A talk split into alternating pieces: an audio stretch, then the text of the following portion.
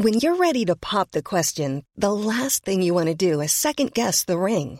At Bluenile.com, you can design a one of a kind ring with the ease and convenience of shopping online. Choose your diamond and setting. When you find the one, you'll get it delivered right to your door. Go to Bluenile.com and use promo code LISTEN to get $50 off your purchase of $500 or more. That's code LISTEN at Bluenile.com for $50 off your purchase. Bluenile.com code LISTEN. Hi, I'm Daniel, founder of Pretty Litter. Did you know cats tend to hide symptoms of sickness and pain? I learned this the hard way after losing my cat, Gingy. So I created Pretty Litter, a health monitoring litter that helps detect early signs of illness by changing colors, saving you money and potentially your cat's life. Pretty Litter is veterinarian developed, and it's the easiest way to keep tabs on your fur baby's health right at home. Go to prettylitter.com and use code ACAST for 20% off your first order and a free cat toy. Terms and conditions apply. See site for details. Hey, I'm Ryan Reynolds. At Mint Mobile, we like to do the opposite of what Big Wireless does. They charge you a lot, we charge you a little. So naturally, when they announced they'd be raising their prices due to inflation, we decided to deflate our prices due to not hating you. That's right. We're cutting the price of Mint Unlimited from $30 a month to just $15 a month. Give it a try at mintmobile.com slash switch. $45 upfront for three months plus taxes and fees. Promo rate for new customers for limited time. Unlimited more than 40 gigabytes per month. Slows. Full terms at mintmobile.com.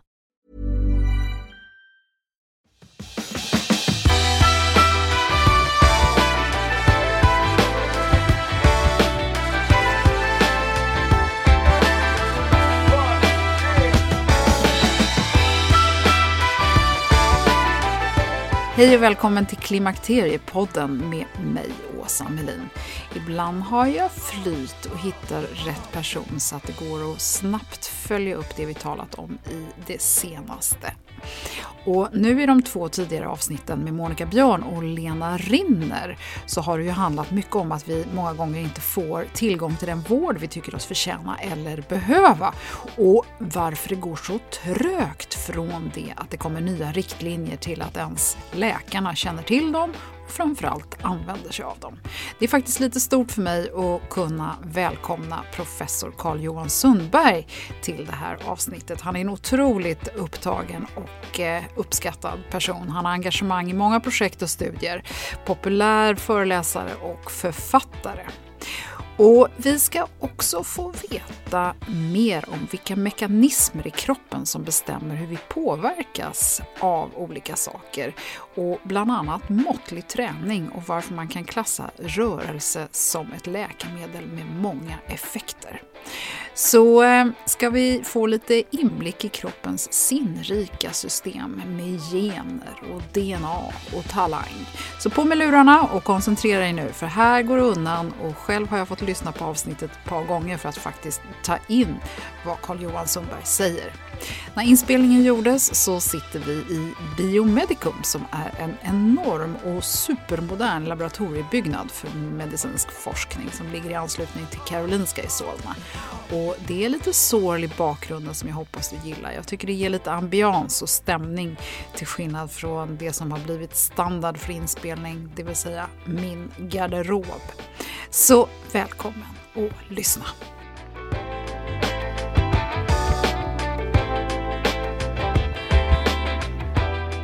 Mm, absolut, man kan fundera över om det kan ligga till på olika Ja. sätt. Ja. Absolut, men det var ingen fråga. Nej. Nej. Nej, nu börjar vi då. Ja, Carl-Johan Sundberg, hjärtligt välkommen till Klimakteriepodden. tack. Spännande att ha dig med. Du har eh, Kerstin Brismar bland annat har rekommenderat dig. Man tackar. Eh, Ja, det var goda ord också. Så att, eh, nu blir det spännande att få grotta in sig lite grann i några ämnen som vi faktiskt inte riktigt har pratat om på det sättet. Du har ju en grund i molekylär och tillämpad arbetsfysiologi och du har skrivit en massa populärvetenskapliga böcker, bland annat med Jessica Norrbom och Anders Hansen och figurerar lite här och var. Och du har ju ett pikt eh, anslag så jag tänker att du är en intressant person för mina lyssnare. Man får hoppas på det, tack. Ja, berätta lite mer om vad du vill jobba med här på Karolinska. Ja, I min forskning så ägnar jag mig framförallt åt fysisk aktivitet och dess eh, eh, konsekvenser kan man säga. Jag försöker också förstå vad det är som händer i kroppen mera basalt, det vill säga hur förstår kroppen för det första hur ska vi kunna förstå hur rörelser, rörelse, fysisk aktivitet ska kunna Eh, så att säga, omvandlas till god funktion och bättre hälsa? För så är fallet. Va? Rör man sig så fungerar man bättre rent fysiskt och man får en bättre hälsa med lägre risk för olika sjukdomar. Det vet vi. Vår grundfråga då det är hur förstår kroppen att de här rörelserna och eh, de långa promenaderna eller eh, fyspassen och jumpan eller, eller badmintonspelet eller så, styrketräning eh, ska leda till det det gör. Kroppen är oerhört intelligent och tolkar det vi gör på olika sätt. Solar man så blir man kanske brunare. Och det är för att huden har celler som tar emot UV-strålningen och som tolkar det som solstrålning och tillverkar ett pigment som gör att vi blir något brunare som skyddar oss då mot solen. Så det är en sorts loop. Att kroppen vet att sol är bra men det är också eh, bra i lagom dos så att då tillverkas ett pigment så att kroppen, huden i det här fallet, lyssnar. Flyttar man till hög höjd och plötsligt bosätter sig på 3000 meters höjd, ja då känner njurarna av syrebrist och plötsligt gör man fler blodkroppar som en konsekvens. Man får ett högre blodvärde och då kan man orka med syrebristen bättre. Så att det här är bara två exempel på hur kroppen lyssnar. Fysisk aktivitet, då händer det saker både i muskler, hjärta, hjärna och med hormoner och allt möjligt. Där alltså systemet, kroppen, ställer om sig för att klara av den här fysiska aktiviteten bättre nästa gång. Eller om en månad och så. Så att träning leder ju till anpassning. Vi försöker förstå hur generna framförallt då lyssnar på vad är det personen gör. Tränar man höger arm styrketräning i tre månader blir det en starkare biceps här. Tränar man vänster arm lättvikt 45 minuter fyra gånger i veckan då blir det inte starkare men det blir uthålligare. Samma kropp, samma muskel i princip, två olika typer av belastningsmönster och det blir helt olika reaktioner. Större, starkare och istället uthålligare. Och det här är intressant.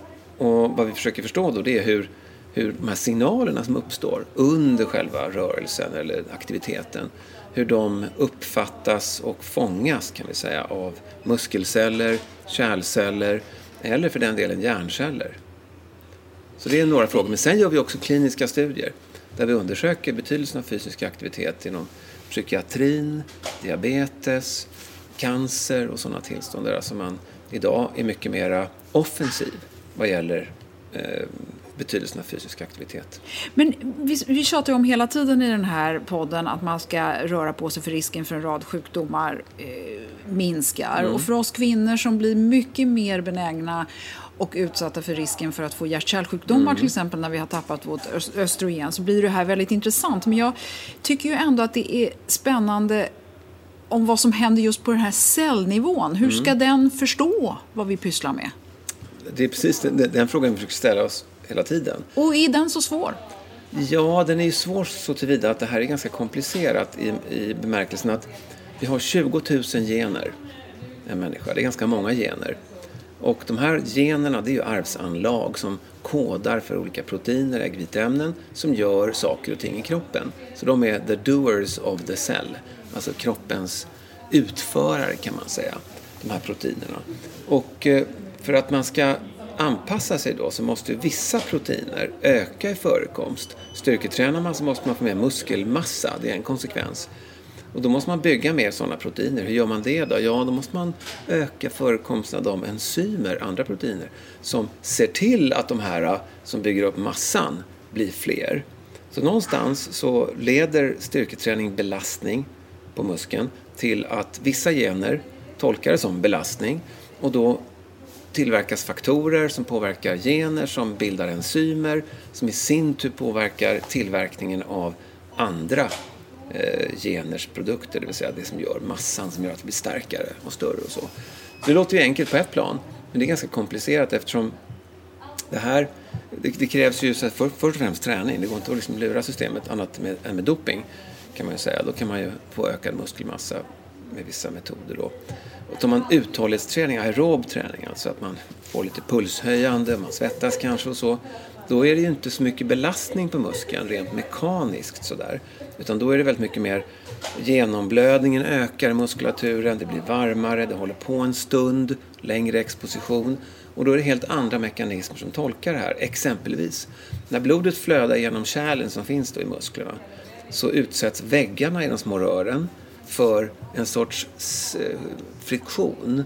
Det är som att när, när vatten strömmar över någonting, då blir det lätt friktion med vattnet mot ytan, så att botten på bassängen eller vad det kan vara för någonting. Och det känner cellerna som är tapetceller i kärlen, sitter runt rörens insida så här. Och då, de små molekylerna böjer av mer när blodet flödar fortare och lång tid.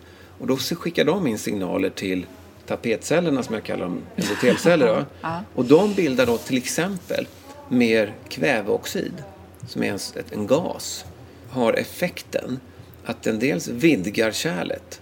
Så att när den gasen bildas, när blod strömmar och friktion uppstår, då kommer musklerna som sitter runt det här röret att slappnas av. På så sätt släpps blod igenom ännu lättare där och då. Och dessutom påverkar samma gas, när den åker in i blodbanan, blodplättarna här inne. Och blodplättarna är små trombocyter, blodplättar. De är ju till för att plugga igen sårskador. Så får man en sårskada i huden till exempel så kommer ju de här plättarna att plugga till och sen bildas det ett sorts nätverk och sen läker det här och så läker såret. Skulle de inte plugga igen då skulle man blöda, blöda, blöda.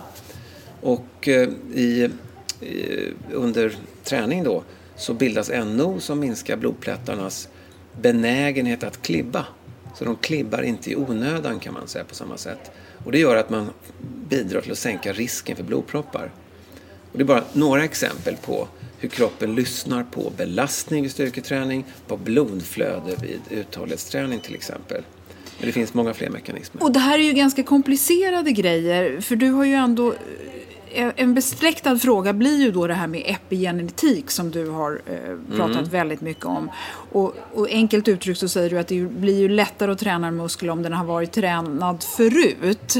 Eh, eller är det en sanning eller inte så att säga. Det är en mm. del av det här. Och vad har vi också för förmågor och vad har vi för tidigare eh, anlag eller du sa att vi har 20 000 gener mm. i oss. Har, hur, hur ska vi veta att samma recept funkar för alla? Ja, alltså det kan vi inte fullt ut veta, men, men man vet från olika studier att om man tar en grupp otränade personer och alla får utföra samma typ av träning, samma dos och så, då svarar en del mer än andra. Så att eh, skulle du och jag till exempel träna, vi säger att vi är lika otränade innan, så tränar vi tre månader och vi kanske håller på med cykling eller löpning eller någonting.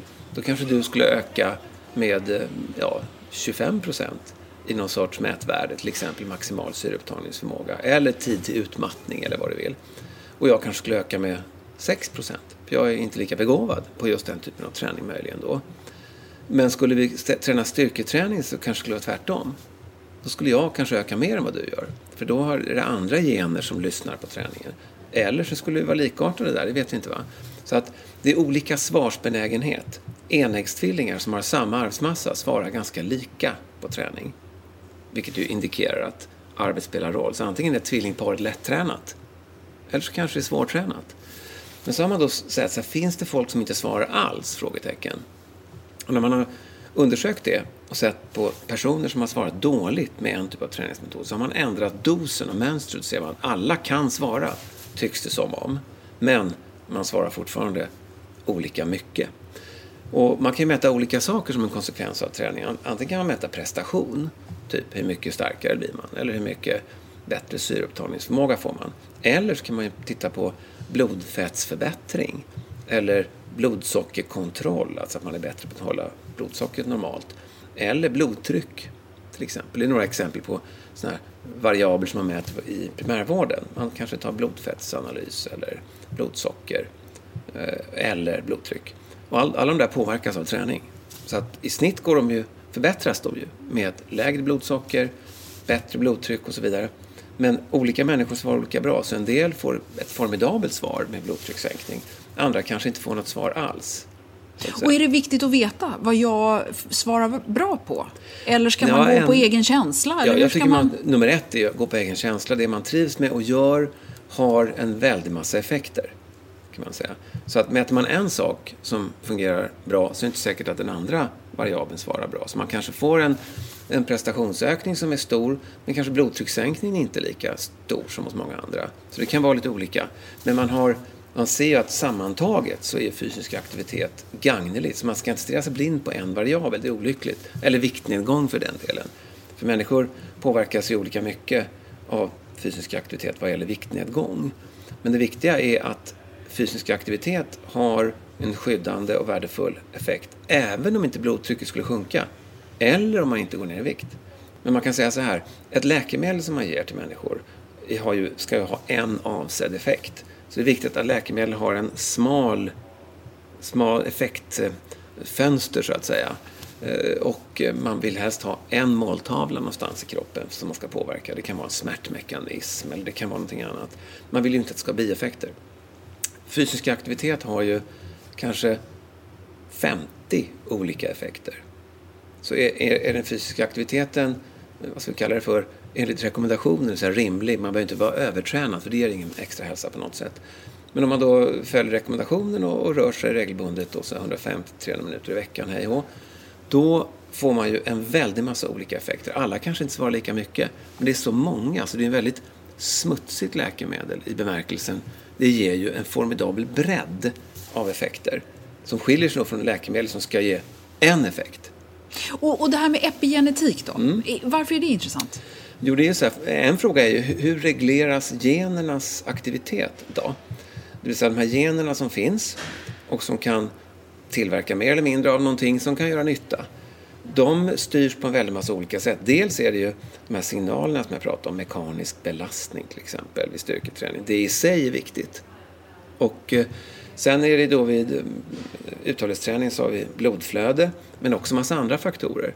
Sen är det så att de signalerna som är mera miljömässiga, belastning eller flöde och värme och sånt där, de räcker ju inte utan de måste tala om för några proteiner att hallå, det är något som är ändrat. Och den mekaniska belastningen läses av i musklerna av mekanoreceptorer som det kallas, alltså en sorts spänningsmätare. Och de påverkar sekundärt eh, olika proteiner, igen proteiner, som kan påverka gener i nästa skede.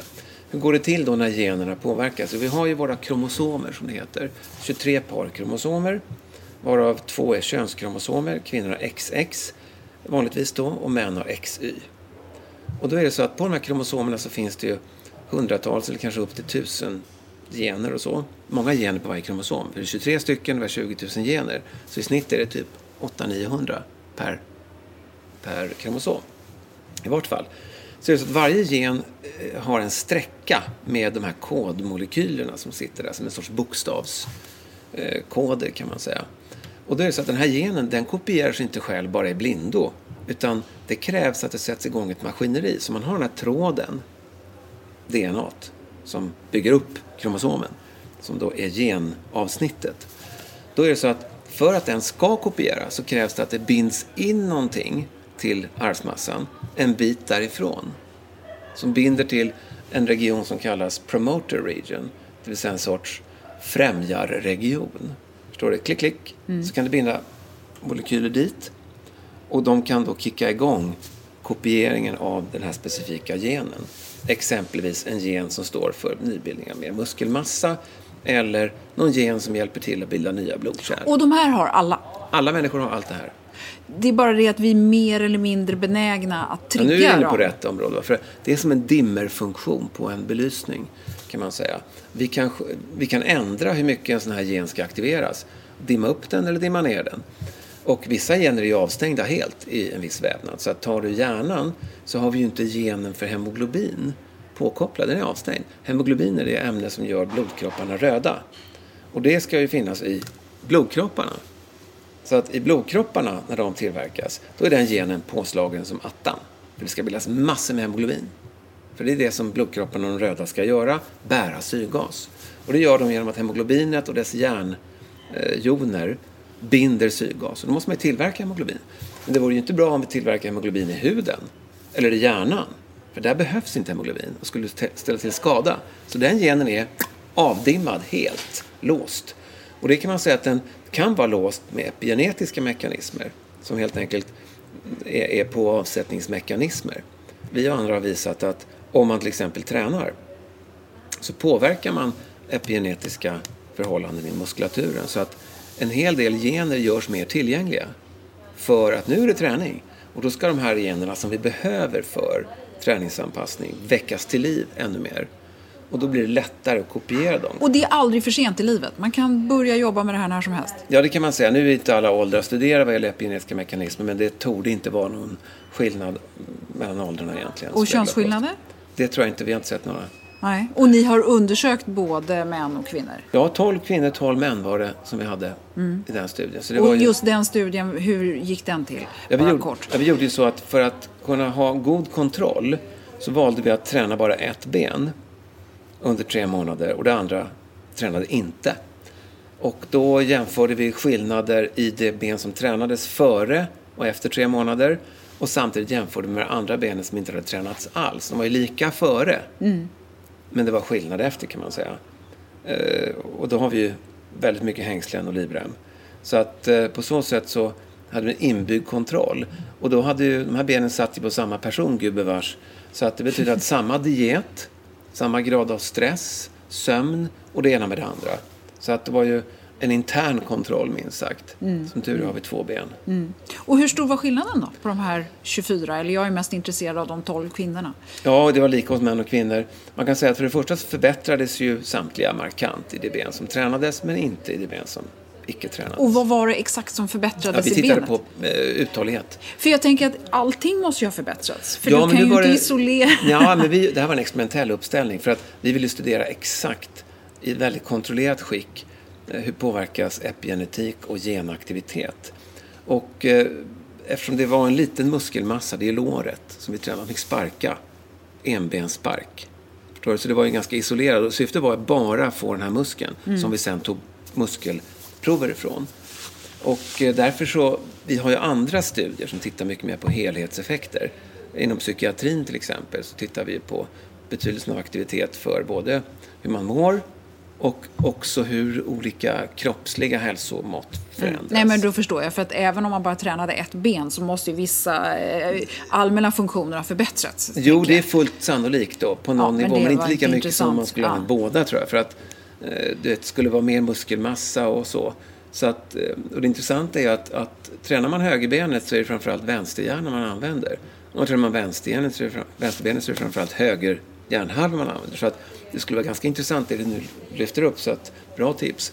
Att egentligen titta på enbensträning för att se om påverkan på hjärnhalvorna skulle skilja sig åt. Det är ett ganska elegant sätt egentligen. Ja, Som- man tänker du- så här du att om jag, jag är mer, eh, eh, ja vi säger, jag är mer eh, kognitivt begåvad eller jag är mer artistiskt begåvad eller hur man nu... Mm. Ja, det är superintressant. Så du kläckte en bra forskningsfråga. Ja, bra. Du Ja, kanske men- vill doktorera? Nej, det tror jag inte. Eller ja, varför inte i och för sig.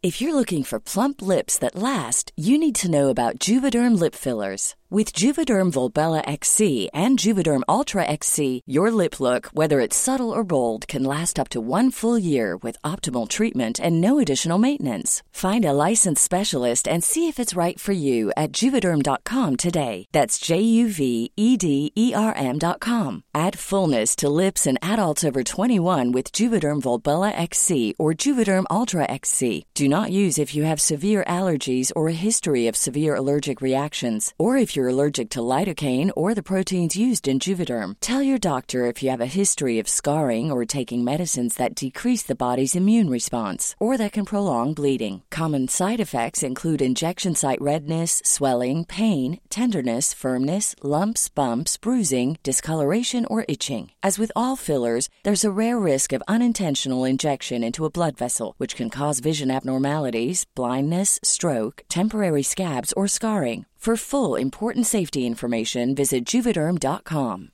Hey, I'm Ryan Reynolds. Recently, I asked Mint Mobile's legal team if big wireless companies are allowed to raise prices due to inflation. They said yes. And then when I asked if raising prices technically violates those onerous two year contracts, they said, What the f are you talking about, you insane Hollywood ass?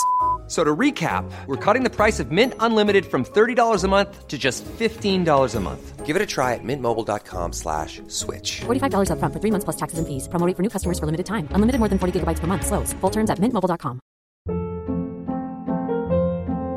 Hold up. What was that? Boring. No flavor. That was as bad as those leftovers you ate all week. Kiki Palmer here, and it's time to say hello to something fresh and guilt-free. Hello Fresh. Jazz up dinner with pecan-crusted chicken or garlic butter shrimp scampi. Now that's music to my mouth. Hello Fresh. Let's get this dinner party started. Discover all the delicious possibilities at hellofresh.com.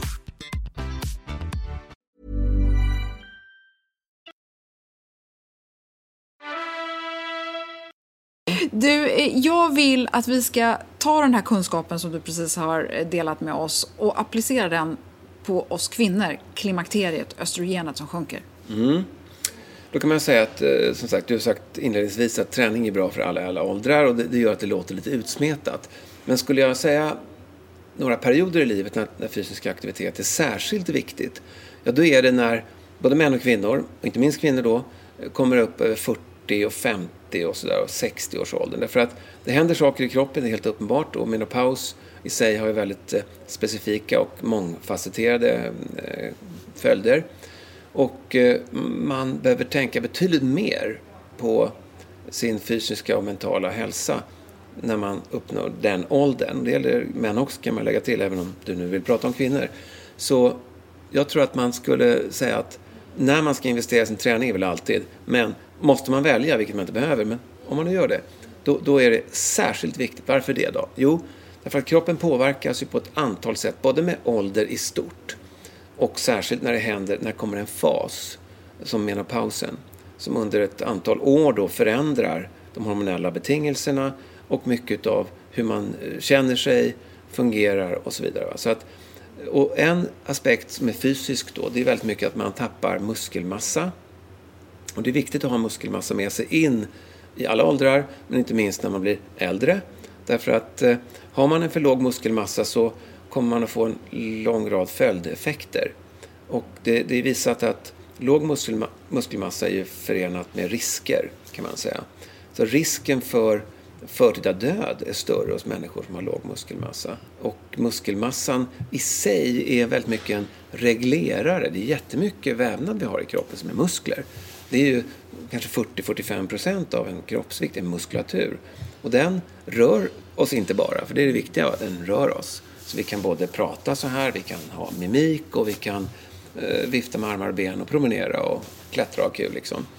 Men den är också en viktig metabolregulator som man säger. Alltså den tar hand om väldigt mycket av socker, alltså glukos i blodet och blodfetter. Så det är en sorts dammsugarfunktion kan man nästan uttrycka det som. Så att blodbilden blir bättre av att det finns mer muskulatur. Så risken för diabetes exempelvis är ju högre hos människor som har en låg muskelmassa. Eh, det, det är i sig intressant. Så tränar man upp muskelmassan så får man bättre möjlighet att omhänderta blodsockertoppar. Och dessutom så finns det ett annat ämne som går upp i förekomst som heter lipoproteinlipas som är ett enzym som sitter på blodkärlens insida, de här rören. Och det liksom tar upp och klyver blodfetter så man får in dem i muskulaturen. Så på så sätt suger de in. Och sen finns det då i muskelcellernas membran eh, glukostransportörer, alltså sockertransportörsproteiner. Och de blir fler om man rör sig och har större muskelmassa. Så att summa summarum så är muskelmassa någonting som jag skulle vilja fokusera på för inte minst kvinnor i menopausålder och därefter. Därför att det är inte bra att vara svag, det kan man säga, rent hälsomässigt. Sen bortsett från allt det här fysiska som vi pratar om mycket nu så är det så att fysisk aktivitet har ju en stor betydelse för välbefinnande. Så när jag brukar ranga, rangordna olika effekter av fysisk aktivitet så är det så att jag börjar med livskvalitet och välbefinnande. Och sen säger jag så här, här kan vi stanna, säger jag. För det räcker väl, Mm. liksom. Man mår bättre här och nu. Sen har det ju effekter på kognition. Så, och det är också intressant naturligtvis att man, man ser ganska starka samband mellan fysisk aktivitet och eh, påverkan på vårt sätt att fungera eh, intellektuellt eller minnesmässigt och så. Och fysisk aktivitet lyfts ju upp som en väldigt viktig faktor för att förebygga och fördröja demensutveckling. Så jag skulle säga att bortsett från allt det här kroppsliga så finns det väldigt mycket som har, har effekter på hjärnan hur vi mår, hur vi fungerar och så. Mm om man nu inte känner sig tillräckligt peppad av det här så, ja. så får man fortsätta läsa på. Vi ska eh, avsluta lite grann och prata om det här med vårdens system. Du är ju väldigt engagerad i det och vi får ju regelbundet tyvärr eh, alla vi som är engagerade i den här klimakteriefrågan så får vi ju, det är uppenbart att eh, många kvinnor möter läkare i primärvården eller till och med gynekologer som helt enkelt inte är uppdaterade på riktlinjer och aktuell forskning.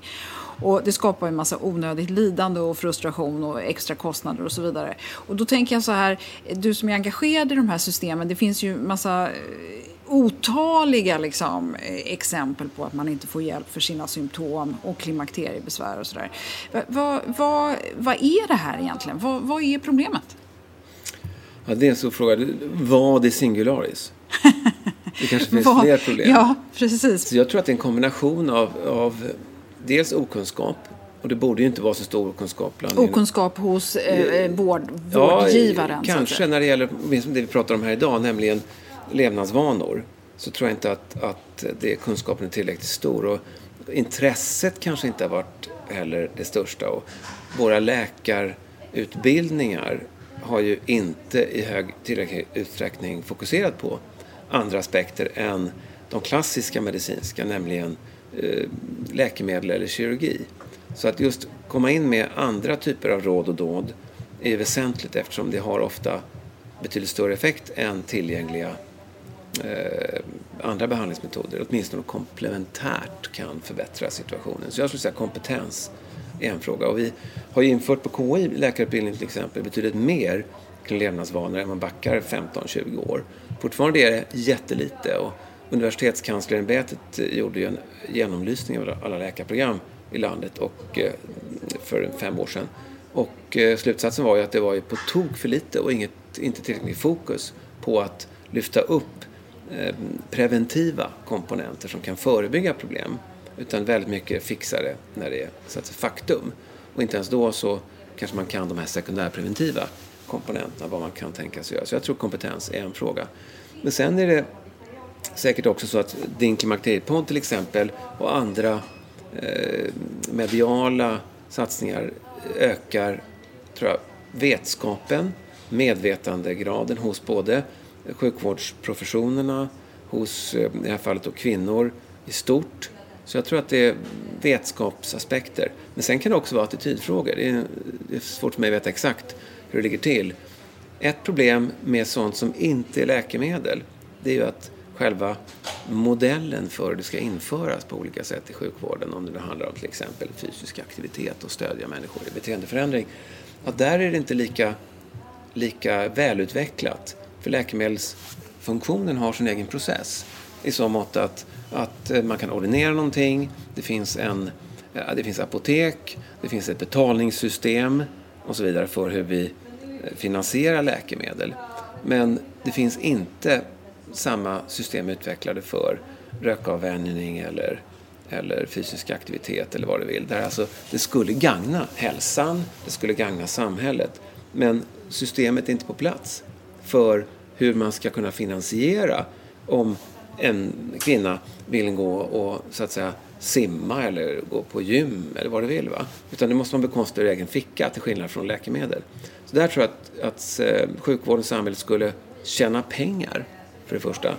Och förstås, vi skulle tjäna hälsa på om man hade system som var smartare. Och det finns länder som prövar och har prövat med framgång eh, finansieringsmodeller kan man säga som gör att, att det finns en, en hel kedja från den som så att säga, bedömer att den här personen skulle nog gagnas av det ena eller det andra och sen en utförare som kan vara eh, någon typ av anläggning eller promenadklubb eller vad du vill. Va? Det handlar inte om stora mm. pengar egentligen men, men, det måste det kunna kräver ju också att eh, individen, patienten, är beredd att investera tid och det är ju mycket jobbigare än att ta ett piller tänker jag. Jo, jo, men det kan man tänka sig förstås. Men effekterna kanske, de man skulle kunna få av fysisk aktivitet, de uteblir ju om man inte rör sig. Men däremot är det så att det är en socioekonomisk gradient också. Att välutbildade kvinnor är betydligt mer medvetna om vad de kan tänkas må bra av och tillämpar ju det i högre utsträckning. Så att det är ju stor skillnad mellan mellan socioekonomiska grupperingar, kan man lugnt säga. Så att eh, det, en, en, vetskapsnivå tror jag inte är helt oväsentlig. Sen är det en resursfråga också, inte bara att veta, utan att kunna. Och då visar det sig att till och med ekonomiska aspekter spelar roll. Så att många drar sig för, hmm, kostar 2000 spänn och det kanske man inte anser sig ha råd med. Och jag tror att eh, eh, det vi ser det är att till och med begränsat stöd, att du får en rabatt och så spelar jättestor roll för att sänka tröskeln. Men det måste ju vara en kombination av klok eh, sjukvårdsprofession, alltså en, en läkare, fysioterapeut eller barnmorska eller vad du vill. Va? Eh, och eh, en patient vars motivationsgrad på något sätt finns eller uppfattas och kan stöttas. För att det går inte att göra om inte personen själv vill. Och sen tror jag att de här ekonomiska komponenterna är inte oväsentliga. Mm. För att sänka tröskeln för många, inte alla. Mm. Finns det någon, eh, så att säga, läkemedelsindustrin är ju inte så gagnade av att vi plötsligt ska börja, eller ni läkare skulle börja ordinera rörelse och sånt här. Finns det, någon som, finns det lobbyister eller starka krafter som arbetar emot det här som vi pratar om nu? Kanske inte emot, eh, men däremot kanske inte för. Nej. Eh, så att visst har många läkemedelsföretag en sorts intresse av det här, men det är oklart om intresset är för att det verkar bra och att man vill så att säga hänga på något som folk i gemen ändå tycks förstå att det är bra. Eller om det finns något djupare intresse. Det är svårt att säga. Däremot kan man tänka sig att när det görs olika riktlinjer, guidelines, som kommer fram från eh, Socialstyrelsen och så, då, då, är det alldeles för få människor som kan prevention ofta med i grupperingarna. Så inom psykiatrin senast så var det ju väldigt svårt att få in fysisk aktivitet fast det är väldigt evidensgrundat. Och det beror nog på alltså, hur man befolkar. Så där, jag säger inte att det är en aktiv lobbying, men det är en sorts historisk skugga som faller över det här som gör att det allt för länge hänger med de synsätt som har rått. Så jag tror man måste få in och nu börjar exempelvis Cancerfonden och Hjärt-Lungfonden och jag tror även Hjärnfonden att inse att man måste satsa särskilda forskningsmedel på prevention. Och då handlar det inte minst om att hitta de metoder som gör att man kan stötta Eh, individer och eh, både motivationsmässigt och på andra sätt att eh, ta sig an, ta sig för. Så att det är intressant att så har det inte varit förrän ganska nyligen. Så Cancerfonden, Hjärt-Lungfonden och Hjärnfonden tycks nu röra sig i en riktning där de inser att wow, vi kan ju förebygga en stor andel av eh, cancerformerna, hjärt-kärlsjukdomarna och även då en del av hjärnsjukdomarna. Därför att demens eh, beror ju av många faktorer. Dels ålder som en primär eh, faktor förstås, men också hur man i övrigt mår fysiskt och kanske psykiskt då. Och då vet man att eh, har man ett blodtryck som är värdereglerat, har man ett blodsocker som är okej, okay, då är risken lägre än om de två är dåliga. Så att demensutveckling, även Alzheimer, påverkas av hälsan i kroppen i stort. Och därför är Hjärnfonden begynnande intresserat av att faktiskt titta på. Och jag, jag, tycker ändå att det är intressant att du säger att det drivs av dessa. eh, alltså jag tänker ju att det borde drivas från er, inifrån vetenskapen, inifrån läkarkåren. Mm. Men det ser man alltså inte riktigt? Jo, både och. Men du vet, läkarkåren är ju stor. Vad har vi? 35-40 000 läkare. Många är intresserade, andra inte och en del kanske inte kan så mycket om de här frågorna. Eh, och sen vetenskapen är ju övertydlig vill jag påstå nu. Det, säga, det publiceras och det visas. Men det tar tid generellt sett för metoder och vetskaper att tränga in i eh, sjukvården. Man brukar räkna med en snittsiffra på 17 år. Ja, mellan det, det att man vet hemskt. att någonting funkar tills att det verkligen används. Mm. Och det, det, är en fördröjning som ibland är väldigt bra därför att det kanske kommer nymodigheter som bara är hokus pokus. Men inte kanske 17 år. Utan kanske 3, 4, 5 år. Låter rimligt va? Men sen är det så att finansiärerna spelar roll. För att det de satsar på, det beforskas och blir legitimerat på något sätt också. Plus att det som behövs är inte bara visa att det är bra, som du själv kanske var inne på, utan hur gör vi då? Mm. Därför att hur gör vi då forskning? Det vill säga att implementera metoder, det är en annan typ av forskning än att visa att A leder till B och att B är bra. Liksom. Förstår du? Och att eh, Sen, hur gör vi rent praktiskt? Och den typen av implementeringsforskning som det kallas, den är helt avgörande. Mm. För då ser man liksom, vad är det för knappar vi måste trycka på? Och det finns en internationell organisation som heter ISPA, ISPAH. De har publicerat i år åtta olika aspekter, saker man kan adressera på samhällsnivå, bättre cykelbanor, eh, säkrare parker med belysning, du vet sådana här alltså, frågor. Eller eh, mer idrott och hälsa i skolan, eller eh, system som eh, subventionerar fysisk aktivitet på recept, bättre utbildning i sjukvården för mm. de här frågorna. Så de har pekat på att det här är mångfacetterat, så det finns liksom inte en silver bullet, utan det är mångfacetterat. Mm. Bra! Då vill jag tacka dig, Carl-Johan Sundberg, för att du ville gästa Klimakteriepodden. Jag är jättetacksam för din tid. Jag vet att du har mycket omkring dig. Och jag är glad för att ha fått vara med. Tack. Ja. Kul. ja.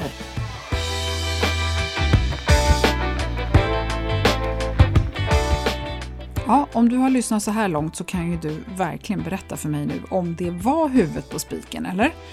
Den här finansieringsfrågan eller den allmänna trögheten. Jag fattar inte. Hur svårt ska det vara? Jag tänker också att det verkligen är läge att vara med på och uppdatera sig eh, som kvinna, att själv faktiskt ta del av den här forskningen och kunskapen som finns. Det publiceras nya studier varje dag, bara i Sverige.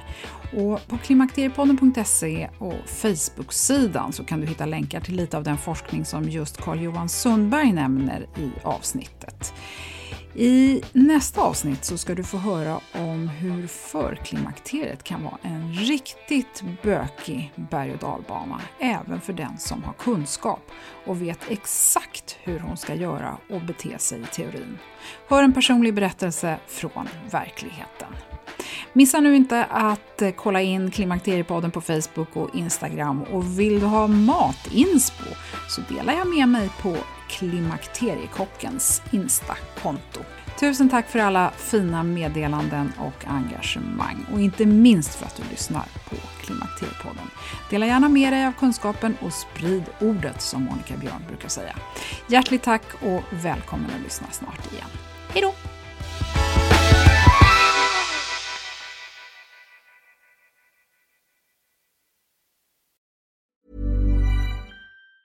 Even on a budget, quality is non-negotiable. That's why Quince is the place to score high-end essentials at 50 to 80% less than similar brands. Get your hands on buttery soft cashmere sweaters from just 60 bucks, Italian leather jackets, and so much more. And the best part about Quince, they exclusively partner with factories committed to safe, ethical, and responsible manufacturing. Elevate your style without the elevated price tag with Quince. Go to quince.com slash upgrade for free shipping and 365-day returns. Ever catch yourself eating the same flavorless dinner three days in a row? Dreaming of something better? Well, HelloFresh is your guilt-free dream come true, baby. It's me, Gigi Palmer. Let's wake up those taste buds with hot, juicy pecan-crusted chicken or garlic butter shrimp scampi. Mm. Hello Fresh. Stop dreaming of all the delicious possibilities and dig in at HelloFresh.com. Let's get this dinner party started. Hi, I'm Daniel, founder of Pretty Litter. Did you know cats tend to hide symptoms of sickness and pain? I learned this the hard way after losing my cat, Gingy. So I created Pretty Litter, a health monitoring litter that helps detect early signs of illness by changing colors, saving you money and potentially your cat's life. Pretty Litter is veterinarian developed, and it's the easiest way to keep tabs on your fur baby's health right at home. Go to prettylitter.com and use code ACAST for 20% off your first order and a free cat toy. Terms and conditions apply. See site for details.